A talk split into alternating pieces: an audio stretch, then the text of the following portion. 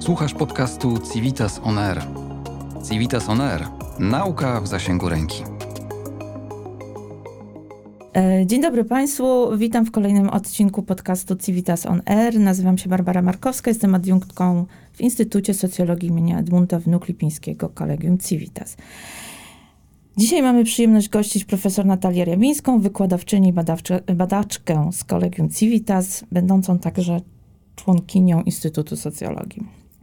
Dzisiejszym tematem naszego spotkania jest wojna i media. Propaganda wojenna od II wojny światowej. Mamy świadomość, że propaganda y, stanowi, tworzy część obrazu wojny. Dzisiaj tym bardziej wiemy, że informacja, a zwłaszcza dezinformacja, jest częścią, jest bronią wojenną i wpływa na, na nasze uczestnictwo i przeżywanie tego, co nas otacza. W jaki sposób media wpływają na nasz obraz rzeczywistości? W jaki sposób wojna jest prowadzona za pomocą mediów? W jakim stopniu wizerunek prezydenta Zełenskiego jest kreacją medialną i tym samym bronią w tej wojnie? Mówi się bardzo dużo, że e, wybuch wojny wpłynął na przemiany społeczeństwa ukraińskiego, jego przemianę w naród. Możemy nawet mówić o stawaniu się narodu na naszych oczach. Właśnie w tym przekazie medialnym jest to bardzo mocno podkreślane. Czy zgadzasz się z tym, że wojna, którą obserwujemy, pozwoliła na pełną krystalizację narodu ukraińskiego? Czy stała się jego fundamentalnym mitem? No i przede wszystkim witam audytorium, witam Pasiu bardzo serdecznie i dziękuję Ci za pytanie. Och, z tym kreowaniem się narodu w, pod wpływem tych, tych wydarzeń, tak, i w tym medialnych. Ja mogę powiedzieć, że moim zdaniem e, niespodzianką pewnie dla Rosjan i dla Putina było to, że w sumie kiedy mm, armia rosyjska wtargła się na teren Ukrainy, ten naród już był. I to jest kompletnie e, coś, co przeoczyły pewnie doradcy Putina, dlatego że te całe lata bardzo nieprostej transformacji e, powstał mm, naród ukraiński też jak nacja polityczna. I my pamiętamy te wyzwania, trzy Majdany, to rewolucja pomarańczowa, kiedy naród walczył o wolne wybory. I w sumie wywalczył sobie to prawo, tak. Później mocny też z, zryw Euromajdan, kiedy już społeczeństwo wyobrażało sobie cele, dlaczego stoimy. Stoimy za tą europejską przyszłość. I no, niektórzy tak oczywiście mieli też duże zarzuty do sposobu zarządzania, tej koszmarnej korupcji, ale te cele byli określone i ludzie bardzo szybko samoorganizowali się. Ta, ta, to już ten um, Majdan jest opisany z, ze wszystkich stron, dlatego że tam po prostu powstawały takie inicjatywy, które robili niesamowite rzeczy. Tak ludzie nieznajomi gościli tych ludzi, którzy przyjechali do, na Majdan z całej Ukrainy, z, nie wiem, dostarczali leki i tak dalej. Nie muszę o tym wszystkim opowiadać, tak? A później początek wojny. W tej chwili już możemy sobie przyznać się wszyscy, że w, czy, aneksacja Krymu później e, rozpoczęcie działań wojennych w Doniecku doprowadziło do tego, że te, ta sama organizacja, ta jakby oddolna działalność obywatelska, ona przekształciła się w mocny e, ruch wolontariuszy. I e, przepraszam, ale na samym początku ubierali armię a kupowali sprzęt wolontariuszy i, i ludzi nieznajomi, tak, organizowali zbiórki i e, w tym sensie wspomagali swoje wojska, tak? Więc e, nie jest w tej chwili niczym niezwykłym, że e, naród ukraiński pokazuje niesamowitą samoorganizację. Ja codziennie siedząc w opowieściach moich rodaków o tym, że um, wolontariusze, nie wiem, pomagają ludziom uciec z Charkowa. Tak. Starych ludzi na wózkach też ewakuują. Zwierzęta i zwierzęta. Nie opuszczają zwierząt, jest to coś niebywałego. Dostarczają leki z, za, zależnym od insuliny. I, no i masę innych rzeczy, tak. Ludzie nieznajomi tak? Mhm. Ale e, w jakiś sposób skrzykuje się. Tak, czasami rzeczywiście to ten wolontariat po, poprzedni był, był, znaczy był takimi ogniskami powstania, ale też ludzie absolutnie do tego niedotyczni wcześniej w niesamowity sposób samoorganizowali się. Więc znaczy jakby od samych przemówień Zielińskiego to by nie powstało, więc widzimy, że to jest i to działa. E, w takim razie chciałabym Cię zapytać, e, na chwilę wrócić do, w ogóle do kwestii mediów na Ukrainie. Czy możemy mówić o tym, że media ukraińskie są wolne? Gdybyś mogła nakreślić, ponieważ się tym specjalizujesz, napisałeś książkę o, e, o postkomunistycznych mediach masowych w Ukrainie i interesuje mnie, jak widzisz, w jaki sposób one się zmieniły w ciągu ostatnich dwóch dekad i czy teraz nastąpiła jakaś wyraźna przemiana. Jest tak, że mm, ta transformacja ukraińskich mediów była bardzo ciekawa, no, trochę śmieszna, dlatego że wszyscy mówią, znaczy wyobrażałem sobie demokratyzację, więc były niewolne, a później nagle, no jakaś jest trajektoria, tak, i robią się wolne. A w mediach ukraińskich, jeżeli my będziemy śledzić na przykład te ewaluacje, tak, wolności mediów przez e, organizacje światowe, tak, więc my widzimy, że znaczy jest tak, że zrobiło się wolniej na początku lat 90., później przechodzi Kuczma, w drugim terminie przekręca kurki i jest spad, e, spadek e, wolności mediów. Dalej rewolucja pomarańczowa, wzrost e, wolności mediów. Dalej przychodzi Janukowicz znów na minus i z, kiedy przyszedł Poroszenka, u nas tylko wtedy pojawiły się media publiczne. Więc to, co w Polsce powstała, tak? Wkrótce po rozpoczęciu transformacji w Ukrainie do tego doszło, no, znaczy w całości tylko w 2016 roku. Jednak powstały. To jest bardzo dobrze. Co jeszcze jest fajne, że też w wyniku rewolucji pomarańczowej powstali takie organizacje medialne, nadawcy, tak, e, jak gromadzkie telebaczenia, e, telewizja gromadzka i gromadzkie radio. I to są organizacje pozarządowe, tak. No oczywiście, że istnieją na granty, ale też na, na dary z, od, od społeczeństwa, mają mhm. Patreon, tak, zbierać crowdfunding. Są niezależne finansowo, moglibyśmy są, Tak, są niezależne finansowo. I oni są też takim, e, też z czymś, podobieństwem tego, no, pełnią taką samą funkcję, jak, jak media publiczne, co więcej, oni fajnie współpracują, więc mogą być, jeżeli dobre produkty albo dobre um, um, idee co do tego, jak je zrealizować programy, to na przykład mogą uh, dziennikarze Gromadzkiego nagrywać dla telewizji uh, publicznej. Ale poza tym nadal pozostaje coś niezmiennego i to jest to, że komercyjne media są w rękach kilku, um, kilku oligarchów, tak? Albo grup oligarchicznych, tak? Więc znaczy, no, w chwili obecnej takie du, cztery, cztery duże imperium. A z jednej strony to jest dobra wiadomość, jeżeli porównywać siebie z Rosją, dlatego że kiedy Putin doszedł do władzy, to on wszystkie te oligarchiczne media e, znaczy, podpiął pod swoją kontrolę. Natomiast w Ukrainie nadal te oligarchowie jednak no, mają różne interesy i siłą rzeczy no, mają swoich polityków, ale znaczy, oni między sobą jakąś walkę utrzymują, więc nawzajem też mogą krytykować. I w tym sensie taki um, ten um, pluralizm by default to znaczy taki pluralizm z, domyślny, tak. do, domyślny z racji tego, że po prostu te właściciele mają różne interesy. On znaczy, istniał, tak? I, i nadal mhm. istnieje. Ale mogę powiedzieć o tym, co w tej chwili mhm. powstało i to jest absolutnie unikatowa sytuacja, że ci oligarchowie, ale nie tylko oni, oni umówili się, znaczy, jaki w tej chwili jest produkt telewizyjny w, w telewizji ukraińskiej. Otóż te wszystkie oligarchiczne, najważniejsze stacje telewizyjne plus E, telewizja publiczna, zjednoczyli swoje wysiłki i oni już prawie miesiąc nadają tak zwany mara, maraton wojna rosyjsko-ukraińska.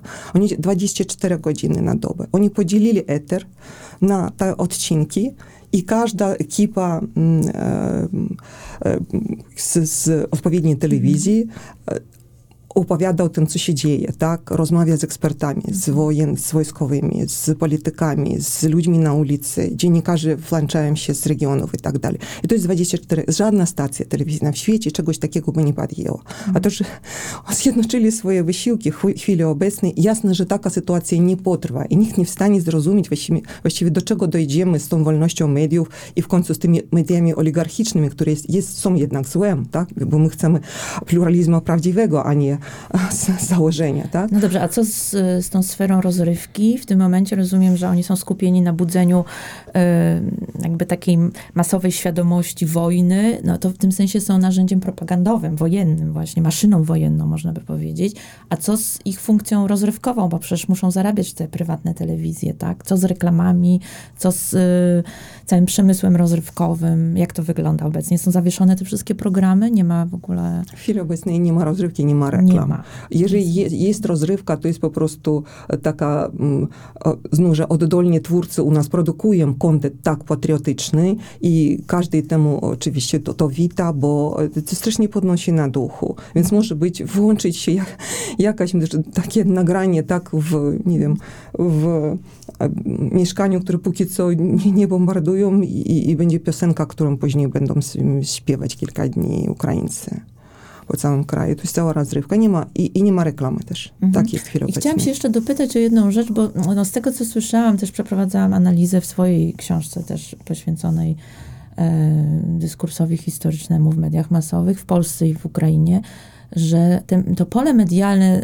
e, w Ukrainie było podzielone między media ukrainocentryczne i rosyjskocentryczne. Ten, ten podział był wyraźny. Powiedz, co się z tym stało teraz? No ja mogę powiedzieć, właściwie z tym rosyjskocentrycznym, no to jest też i, i. Ja w tej chwili zastanawiam się na przykład, czy media no, wyraźnie byli takie prorosyjskie, no pewnie tylko stacja telewizyjna Inter, tam tak byli prorosyjscy politycy. W sumie te, te politycy, których wypędzili razem z Janukowiczem, ale partia powróciła, znaczy wzięła sobie inne, inne imię i, i nadal byli znaczy, takie prorosyjscy. Natomiast inni oligarchowie, oni też no, w sumie czasami byli prorosyjscy, czasami, ale najważniejsze, nie dbali o swoje interesy, które bronili za pomocą własnych partii. Więc ta, ten patriotyzm, znaczy na tym tle mogę jedynie powiedzieć o media Petra Piotra Poroszenki, który no, zdecydowanie wybrał sobie, że, bo on też ma stację telewizyjną, ale nie należy do tych ich imperium, bo to jest po prostu na mniejszą skalę, tak, w porównaniu z tymi czterema, czteroma imperiami poprzednimi, ale on już by, będąc e, e, prezydentem wybrał sobie tak, tak, taką drogę, taki kierunek patriotyczny i znaczy, pamiętamy, że jego stacja zrobiła się popularną i w sumie prawie powstało podczas rewolucji pomarańczowej, więc cały czas była wyraziście proukraińską. Jeżeli chodzi o inne stacje telewizyjne, to byli raczej pro Achmetow, pro Kolomojski albo pro Firtasz, tak mniej więcej w takim sensie. Czyli z tego, co mówisz, wynika, że Rosjanie w jakimś sensie już dawno utracili realny wpływ na tą sferę medialną na Ukrainie, tak? No, w sumie i tak, i nie, dlatego że politycy prorosyjscy, przecież oni ogłaszali te hasła, które no, nieraz byli po prostu e, ukute w, w Kremlu, tak, albo przy doradców mhm. ideologicznych Putina, więc znaczy, no i tak, i nie, tym bardziej, że... Una... Nie, chodzi mi o to, przepraszam, czy w tym momencie, kiedy jest jawny, otwarty konflikt, a nawet coś więcej niż konflikt, to oni po prostu milczą, czy zmienili zdanie i zmienili jak gdyby opcję światopoglądową? Czy raczej znaczy, czy, czy bardziej zniknęli z eteru, czy e, wyraźne, czy znasz przypadki takich wyraźnych nawróceń politycznych, tak? A, no ostrożnie mogę powiedzieć, że parę takich jest, większość milczy, a ktoś po prostu uciekł i pewnie nigdy już nie powróci do Ukrainy. Dlatego, że z zagranicy y, na, na początku jeszcze robił takie e, stories z tym, że Ukraina musi poddać się i tak dalej. No widać, że, że oni zniknęli z politycznego mhm, pola ukraińskiego. No dobrze, to y, przejdźmy dalej w takim razie do tego, y, w jakiej sytuacji są ludzie na całym świecie, którzy swój dzień zaczynają od y, sprawdzania informacji, co się wydarzyło na Ukrainie. Tak? Chodzi mi o obecność tej, tej wojny w mediach globalnych. Jest newsem numer jeden. Nie wiadomo, jak długo to potrwa oczywiście. Na razie jesteśmy w piątym tygodniu wojny i cały czas jakby ta agenda codzienna informacyjna jest skoncentrowana na, e, na właśnie na przekazywaniu obrazu tej wojny i skoncentrowana na Ukrainie, tak jakby nie było niczego poza wojną. W związku z tym pojawia się to pytanie, bardzo widać wyraźnie siłę mediów, e, siłę siłę kształtowania e, obrazu rzeczywistości, bo gdybyśmy chcieli się zapytać, co się dzieje w innych częściach świata w tym momencie, tak, szukać, ob, nie wiem, informacji na temat innych konfliktów albo też innych tematów, no to one są przesłonięte jak gdyby przez, przez wojnę, tak. E, tym bardziej, że ona no właśnie jest ważna i dla nas tutaj regionalnie, ale też cały świat jest w nią zaangażowany, więc mm, mm, jak powinniśmy sobie radzić w takiej sytuacji, e, kiedy zdajemy sobie sprawę, że e, bardzo dużo tych informacji może być właśnie kreowanych y, po coś, być nawet fake newsami, y, być rodzajem manipulacji, są one wyrwane z kontekstu, są mieszaniną prawdy i fałszu. Y, tak naprawdę, nie będąc na Ukrainie, tak naprawdę nie wiemy, jak wygląda tam rzeczywistość, myślę. Więc gdybyś mogła jakby powiedzieć nam, w jaki sposób, w sposób świadomy i mądry korzystać z mediów współcześnie, z których mediów, jakie przesiewać, jakie filtrować, jakie sprawdzać. Ja myślę, że na, na, kilka programów nam starczyłoby i to byśmy wszystko, wszystkiego nie ujęli. To jest bardzo trudny temat dlatego że e, no, to nie pierwsze wydarzenie, które nam pokazuje takie zamieszanie, przypomniałem sobie kobiet przed, przed chwilą, tak? Zamieszanie wszystkie... proporcji, jak gdyby, tak. prawda, w przekazie informacji i oznacza to, że prawdopodobnie zawsze one są zaburzone, bo zawsze jest ten główny temat, który właśnie czyimś interesem, w czyimś interesie leży, żeby ten temat y, był tym leitmotivem informacyjnym. On niesie jak gdyby oglądalność i wojna budzi emocje. Jest towarem medialnym pierwsza, pierwszej klas.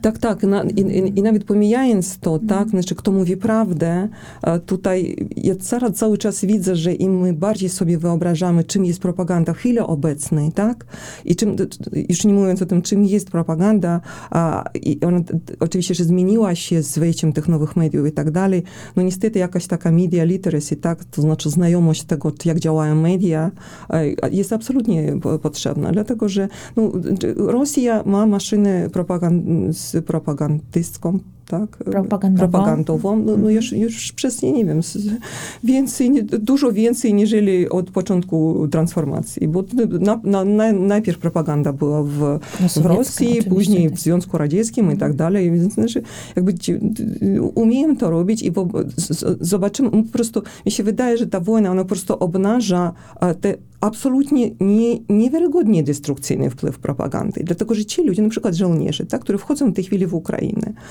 my już wiemy z tych już świadczeń osób, które oni zatrzymywali, bo oni uprowadzają na przykład lokalnych liderów, tak, który, czasami twórców, na przykład teatralów, tak, czy, no oczywiście, że lokalnych, nie wiem, e, e, merów i tak dalej. Oni uprowadzają i znaczy ich trzymają i dopytują, dopytują. No oczywiście, że to, to są zakładnicy przede wszystkim, ale z innej strony to przysłuchiwanie, tam leitmotywem jest, dlaczego wy nas nie witacie? Przecież my przyszliśmy was e, wyzwo wyzwolić, tak? Więc oni naprawdę mają w głowie, że oni, oni przyszli zwalić tą Ukrainę oni i ludzie będą ich witać na ulicy.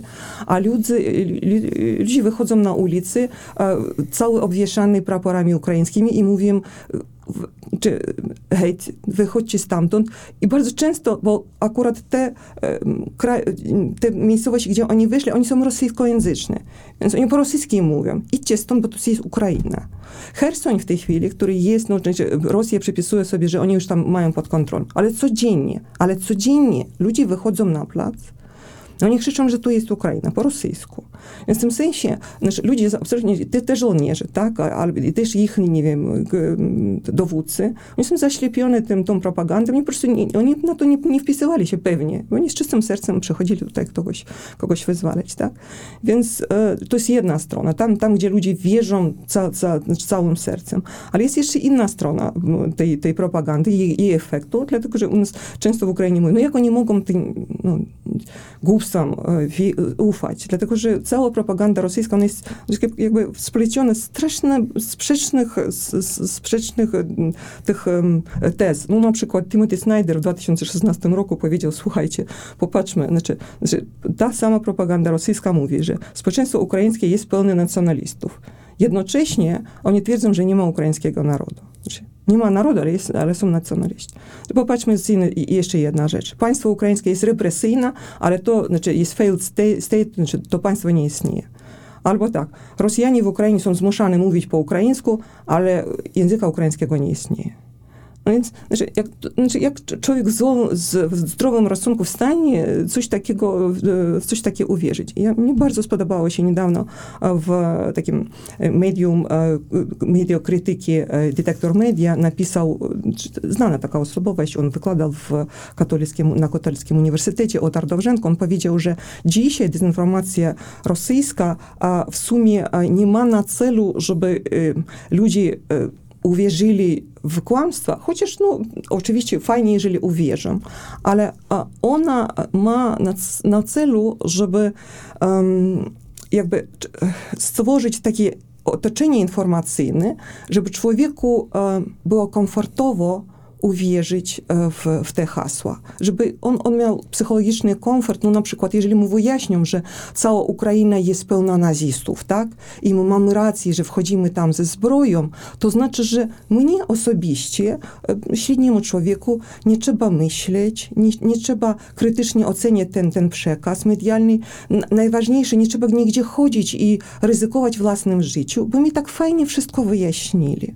Tak? Jestem w komforcie. I tak puszcząc oko do innych mogę powiedzieć, no oczywiście ci naziści coś zrobili nie, a, niesamowitego w Ukrainie. Także fajnie, że nasze chłopacy tam są. No dobrze, ale mówisz o e, propagandzie e, w tym momencie wytwarzanej odgórnie, e, z tym pełna zgoda i to intuicyjnie, jak gdyby, oczywiście możemy się dziwić, dlaczego Rosjanie tak są bierni wobec tej propagandy, no bo są specjalistami jak gdyby też już w jej przyjmowaniu, więc zakładamy, że ktoś, no tak, znaczy, mo, można nabrać do tego dystansu i na pewno, no nie wiem, to jest, to jest rzeczywiście tajemnicza sprawa. Natomiast mnie interesuje trochę inna jakby strona tego medialnego wytwarzania rzeczywistości, oddolne wytwarzanie. Chodzi mi o problem mediów społecznościowych, tak? To, to nie jest propaganda w tym momencie państwowa, e, kontrolowana, tylko problem z wytworzeniem prawdziwego obrazu rzeczywistości przez to, że on jest tak pofragmentowany, e, tak, e, te przekazy na Twitterze na przykład, te filmiki, które trwają po 30 sekund, one e, są skoncentrowane na no właściwie zawsze na takich elementach, które są, albo jest to coś śmiesznego w czasach pokoju, w tym momencie, w czasach wojennych są to zazwyczaj, prawda, y, uderzenia bomby, jakieś odgłosy y, walki, które mają y, jakby świadczyć o tym, że trwa nieustający atak. A jak wiemy, skąd inąd, właśnie są całe przestrzenie w Ukrainie, w których nie ma tych działań wojennych. Ludzie nie tylko tam stamtąd nie chcą wyjeżdżać już w tym momencie, nie, ci, którzy nie ulegli panice, niektórzy już tam wracają też, tak? Bo okazuje się, że da się tam żyć, można tam żyć. I gdybyśmy bazowali tylko i wyłącznie na tym strumieniu, jak gdyby tych, prawda, emocjonalnych, krótkich przekazów, które w ogóle nie pokazują żadnego szerszego kontekstu, łączą się tylko w jeden taki strumień y, przerażających obrazów które mają przykuć uwagę.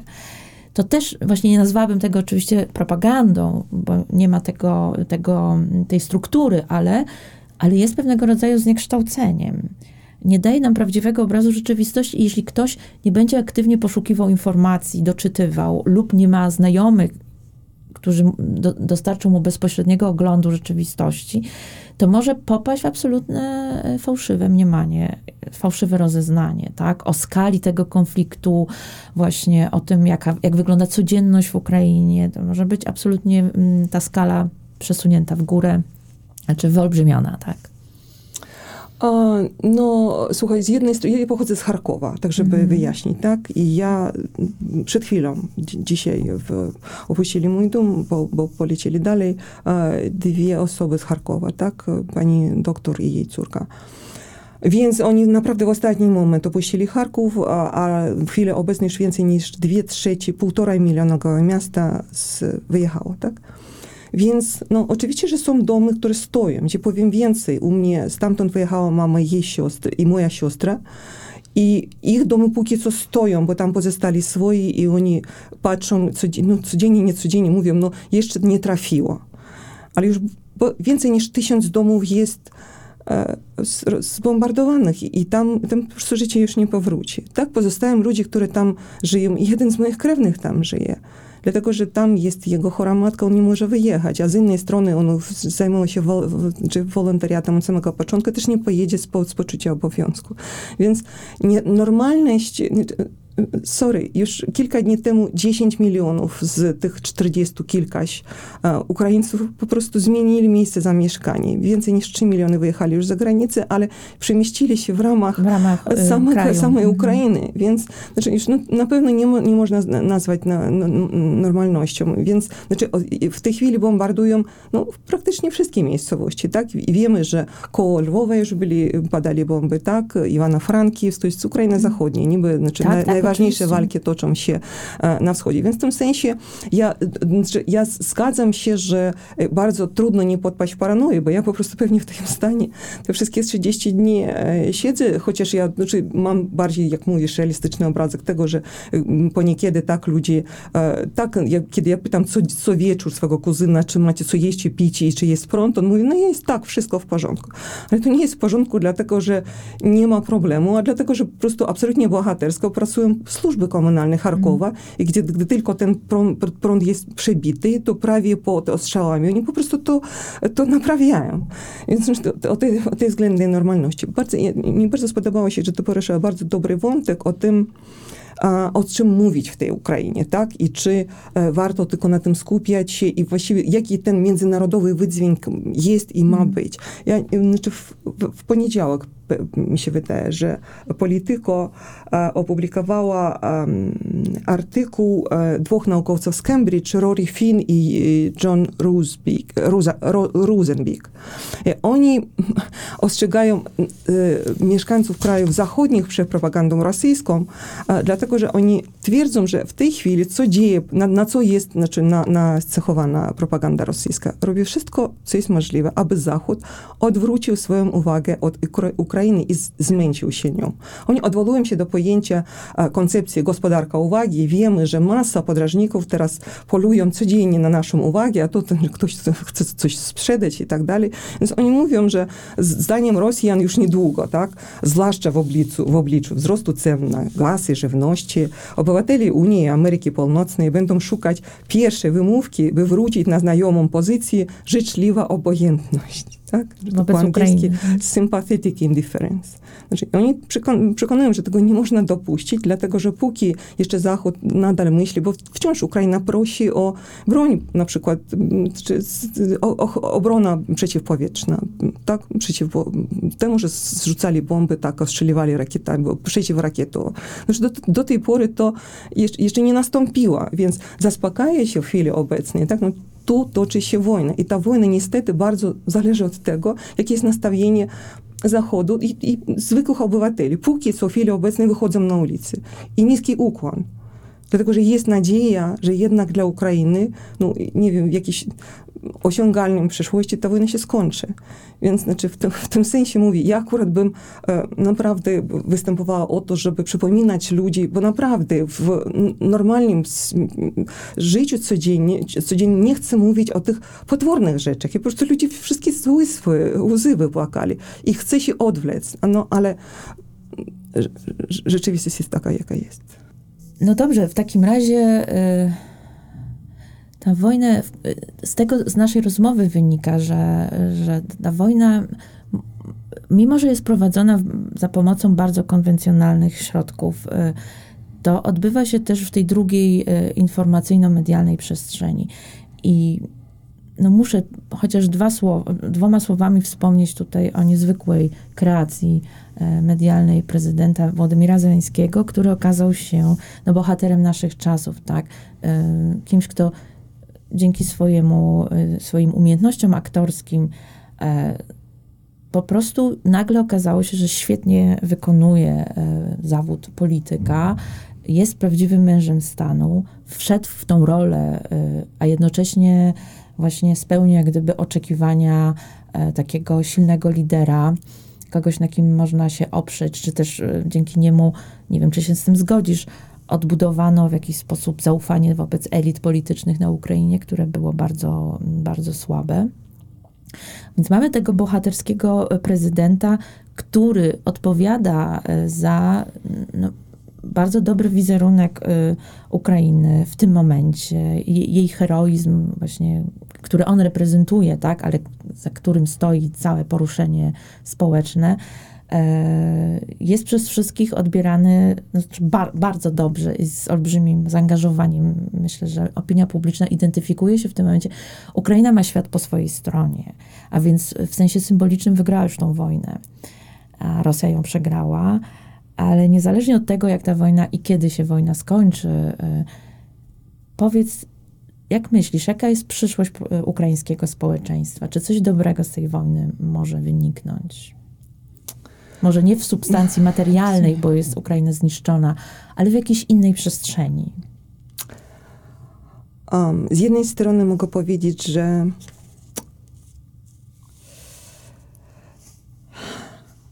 tak, tak jak gdyby ta um, wojna z jednej strony postawiła lustro przed narodem ukraińskim,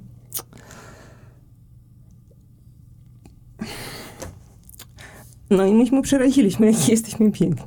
No to znaczy tak, ja identyfikuję tak, ja nie, nie, nie jestem w tej chwili w Ukrainie, e, absolutnie fantastyczne um, bohaterstwa, o, jednoczenia, niesamowita solidarność i to coś bardzo cennego, kiedy badacze um, zmiany społecznej, szczególnie demokratyzacji, mówią, jakie są e, czynniki udanej demokratyzacji. Oni mówią o zaufaniu społecznym. I coś, co, co, z czym było słabo zawsze w Ukrainie, tak? A w chwili obecnej byli podziały, tak, tam nie wiem, język, nie język, wschód, zachód i różne tam inne i tak dalej. To już zaczęło zacierać się po, po Euromajdanie. A w tej chwili widzimy, że Ukraina jest solidarna, Ukraina widzi całość, e, gdzie by tam, nie wiem, od Hersonia do, do, do, do um, um, Czernichowa i, i, i, nie wiem, Charków i, i Lwów. I nie ma żadnej różnicy. Wszyscy jesteśmy Ukraińcami i wszyscy, wszyscy współpracujemy. I tutaj taka regionalna, międzyregionalna, cała Ukraina jest jak, jak jedno ciało absolutnie, tak, działa. I e, znów, że ludzie absolutnie spoza koła mojego bezpośrednich, tak, z zażyłości i tak dalej, e, uważają, że muszą sobie nawzajem e, e, pomagać. To jest pierwsza rzecz, która jest dobrym takim, znaczy jakby do, dobre wróży, dobrze wróży na to, co będzie po wojnie. Wierzymy, że tak, zwyciężymy i że będzie po wojnie, tak. A następna rzecz, też z którą było bardzo trudno w Ukrainie, to jest zaufanie do elit politycznych. Dlatego, że elity byli sami w sobie i znaczy jakby wchodzenie do polityki było absolutnie czymś niemoralnym, bo polityka to jest brudna sprawa i dobry, normalny człowiek tam, tam sobie nie pójdzie. Z innej strony ktoś tam będzie ufać tym, kto już jest przy władzy i tylko sobie przygląda się, jak kra kraść i tak dalej. Więc w tej chwili my widzimy zmniejszenie tego dystansu i zaufanie do instytucji państwowych, tak, zaufanie do polityków, dlatego, że w sumie nawet um, jakim by nie był fajnym e, Zielenski, ale miejmy nadzieję, że będzie pamiętał o tym, on zdaje sobie sprawę, że żeby nie było ukraińskiego narodu, który sam robi masę rzeczy. Mhm. I on w jednym z swoich pierwszych przemówień on powiedział, że narodowi ukraińskiemu nie trzeba rozkazywać. I jestem, ja jestem dumny z tego, że w sumie ja jestem prezydentem, dlatego że naród ukraiński robi wszystko sam. Mhm. A, więc to zaufanie nareszcie zaczęło się powstawać. Ja nawet powiem więcej. Zachód widzi Zelenskiego, a przecież my mamy takie lokalne elity, codziennie mamy takiego absolutnie wspaniałego, niestety no, Zachód nie mówi po ukraińsku, on nie może codziennie oglądać gubernatora Mikolajowa, Witalia Kim, który codziennie raz czy kilka razy nagrywa te stories i zaczyna, to też jest rosyjsko, rosyjskojęzyczny, bo chodzi o Mikolajew w południu tak, Ukrainy tak, tak, i on tak, mówi, dobrego dnia, my z Ukrainy. Dzień dobry albo dobry wieczór wieczór, jesteśmy z Ukrainy. I, w sumie, I zwyciężymy. Mówi, i, zwyciężymy. zwyciężymy. I, i, i tego, że on mówi o tym, co wydarzyło się. To nie jest tylko propaganda. I jeżeli chodzi o Zelenskim, jego przemówienie się zmienili, bo on bardzo du, dużo mówi o, do rzeczy, o tym, co musimy zrobić, tak, co, co myśmy zrozumieli, jakie są trudności. Więc w tym sensie um, ten na miejscu, prawda, liderzy, ta jednak decentralizacja zdziałała i u nas są te gromady, które też samo zarządzające, tak, i, i znów, że skróciła się dystans, skrócił się dystans między tymi wybranymi, prawda, merami, tak, i przywódcami tutaj w terytoriach, więc ja widzę, że społeczeństwo ukraińskie, które reaguje na straszne e, wydarzenia, tak, ataki, zabijanie, zniszczenie, reaguje złością i tylko mobilizacją, jak w takim stanie my przejdziemy do mm, czasów pokojowych, to naprawdę będzie bardzo dobrze. No, dziękuję Ci, Natalio. E, na tym zakończymy naszą rozmowę. Dziękuję Państwu za uwagę. Zapraszam do śledzenia naszych kolejnych podcastów. Dziękuję serdecznie. Dziękujemy za uwagę i jednocześnie zachęcamy do subskrybowania naszego podcastu Civitas On Air, który jest dostępny w popularnych serwisach streamingowych. Kolegium Civitas znajduje się także na Facebooku, Instagramie i portalu LinkedIn. Zachęcamy do śledzenia naszych profili.